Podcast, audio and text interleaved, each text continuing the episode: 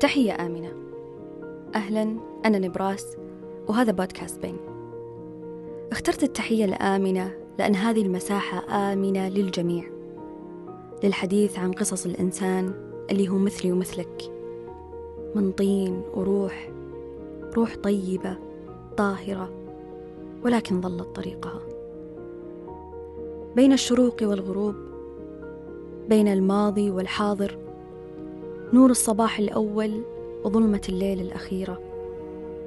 هناك دائما قصة إنسان دعونا نتعرف عليها.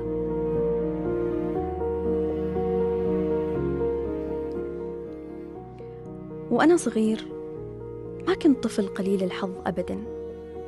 كنت بالعكس أتقلب في حب أهلي وما كان عندنا ذيك المعوقات في مشوار الحياة الطويل. ولكن لما دخلت مرحلة المراهقة زادت معها تطلعاتي كأنها تعانق السماء. كنت أمتلك كمية مواهب ما يمتلكونها كثير. فكانت رحلتي مع الورق والألوان قديمة جدا. موهبتي كانت تكبر معي لدرجة كنت أحس إني بانجوخ المكان. كنت أطمح إني أشارك في كل المحافل اللي تهتم بالفن التشكيلي. كنت أعبر عن الأفكار والمشاعر عن طريق خلق صورة جمالية في خيالي. كانت عندي موهبة وقدرة فطرية على الرسم.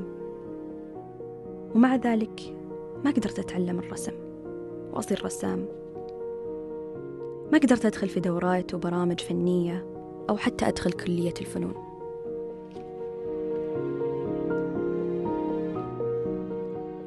كانت الحياة جميلة لحد ما خلصت الثانوي.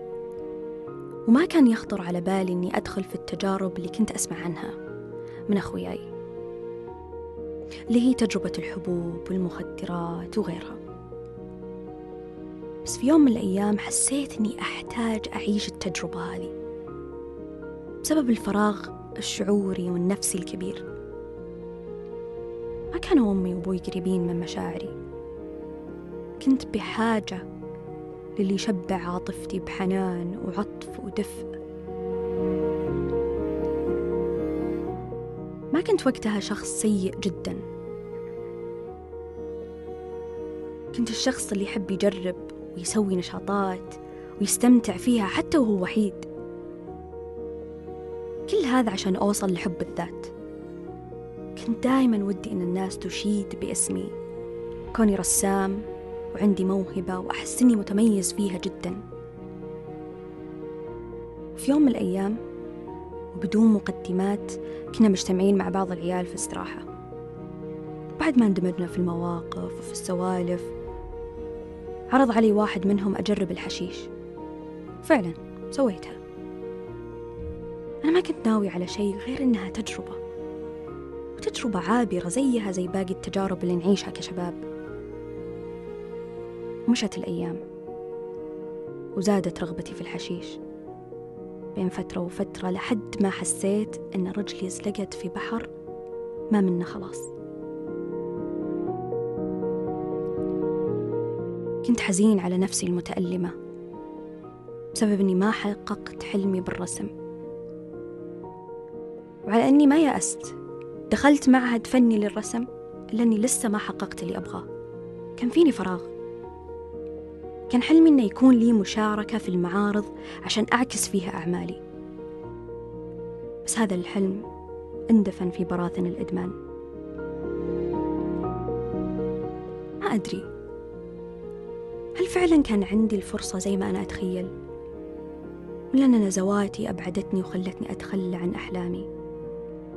هل كان في فرصة حقيقية زي باقي الفرص اللي ممكن نحصلها ونستفيد منها وما نقتلها في الانتظار؟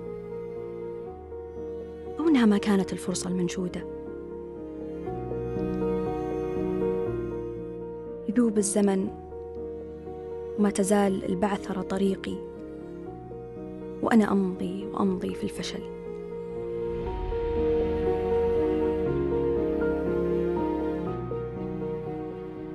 كنت أمام صفحات كثيرة رسمت عليها أحلامي لكن بمجرد أني قلبت الصفحة تاهت الخطوط وضاعت الحروف زي الحلم اللي انتهى في لحظة. وما زالت صفحات حياتي قدامي متعثرة إلا أنا اللي أتعثر قدامها.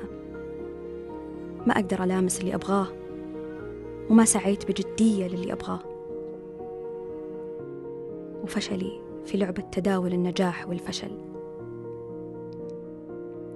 ما كان عندي الإصرار في أني ألقى الخيارات وأسباب النجاح في حال كان معدوم.